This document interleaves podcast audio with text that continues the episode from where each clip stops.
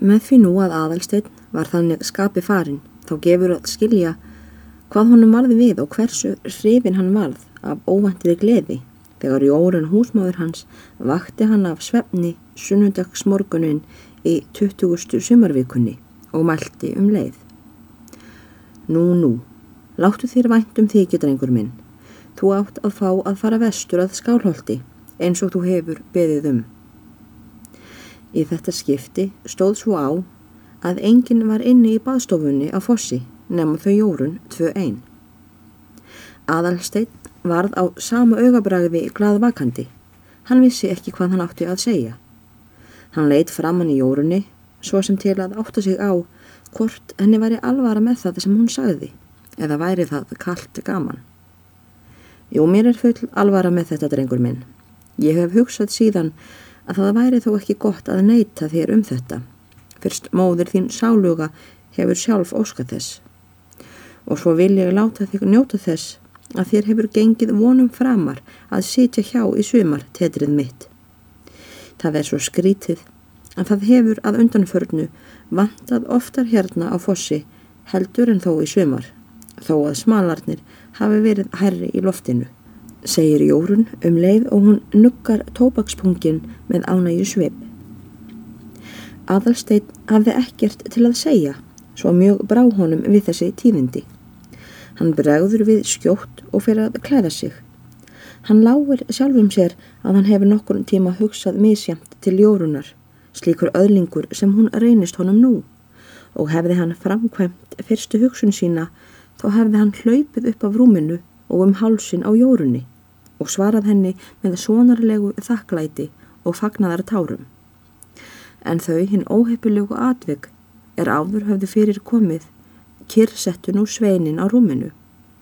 Hann nýtt sér næja að gefa guði dýrðina og var það ekki heppilega til fundið.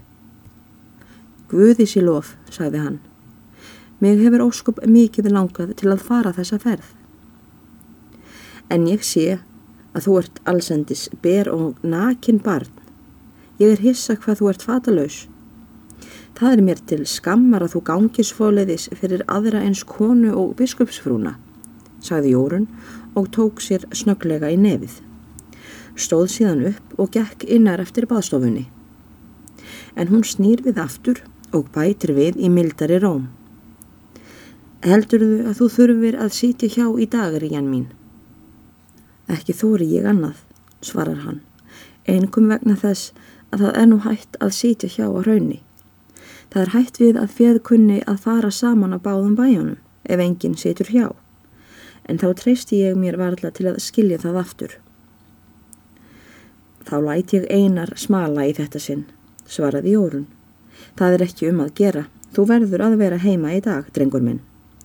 Það þarf meira að gera en að tala það. Að ferðast vestur á skálholti. Það þarf að sníða og sauma handa þeirri född til ferðarinnar. Bæði treyu og buksur. Ég vildi síður, þú erðir mér til skammar. Ég veit ekki hvað frúin kynni að hugsa mér.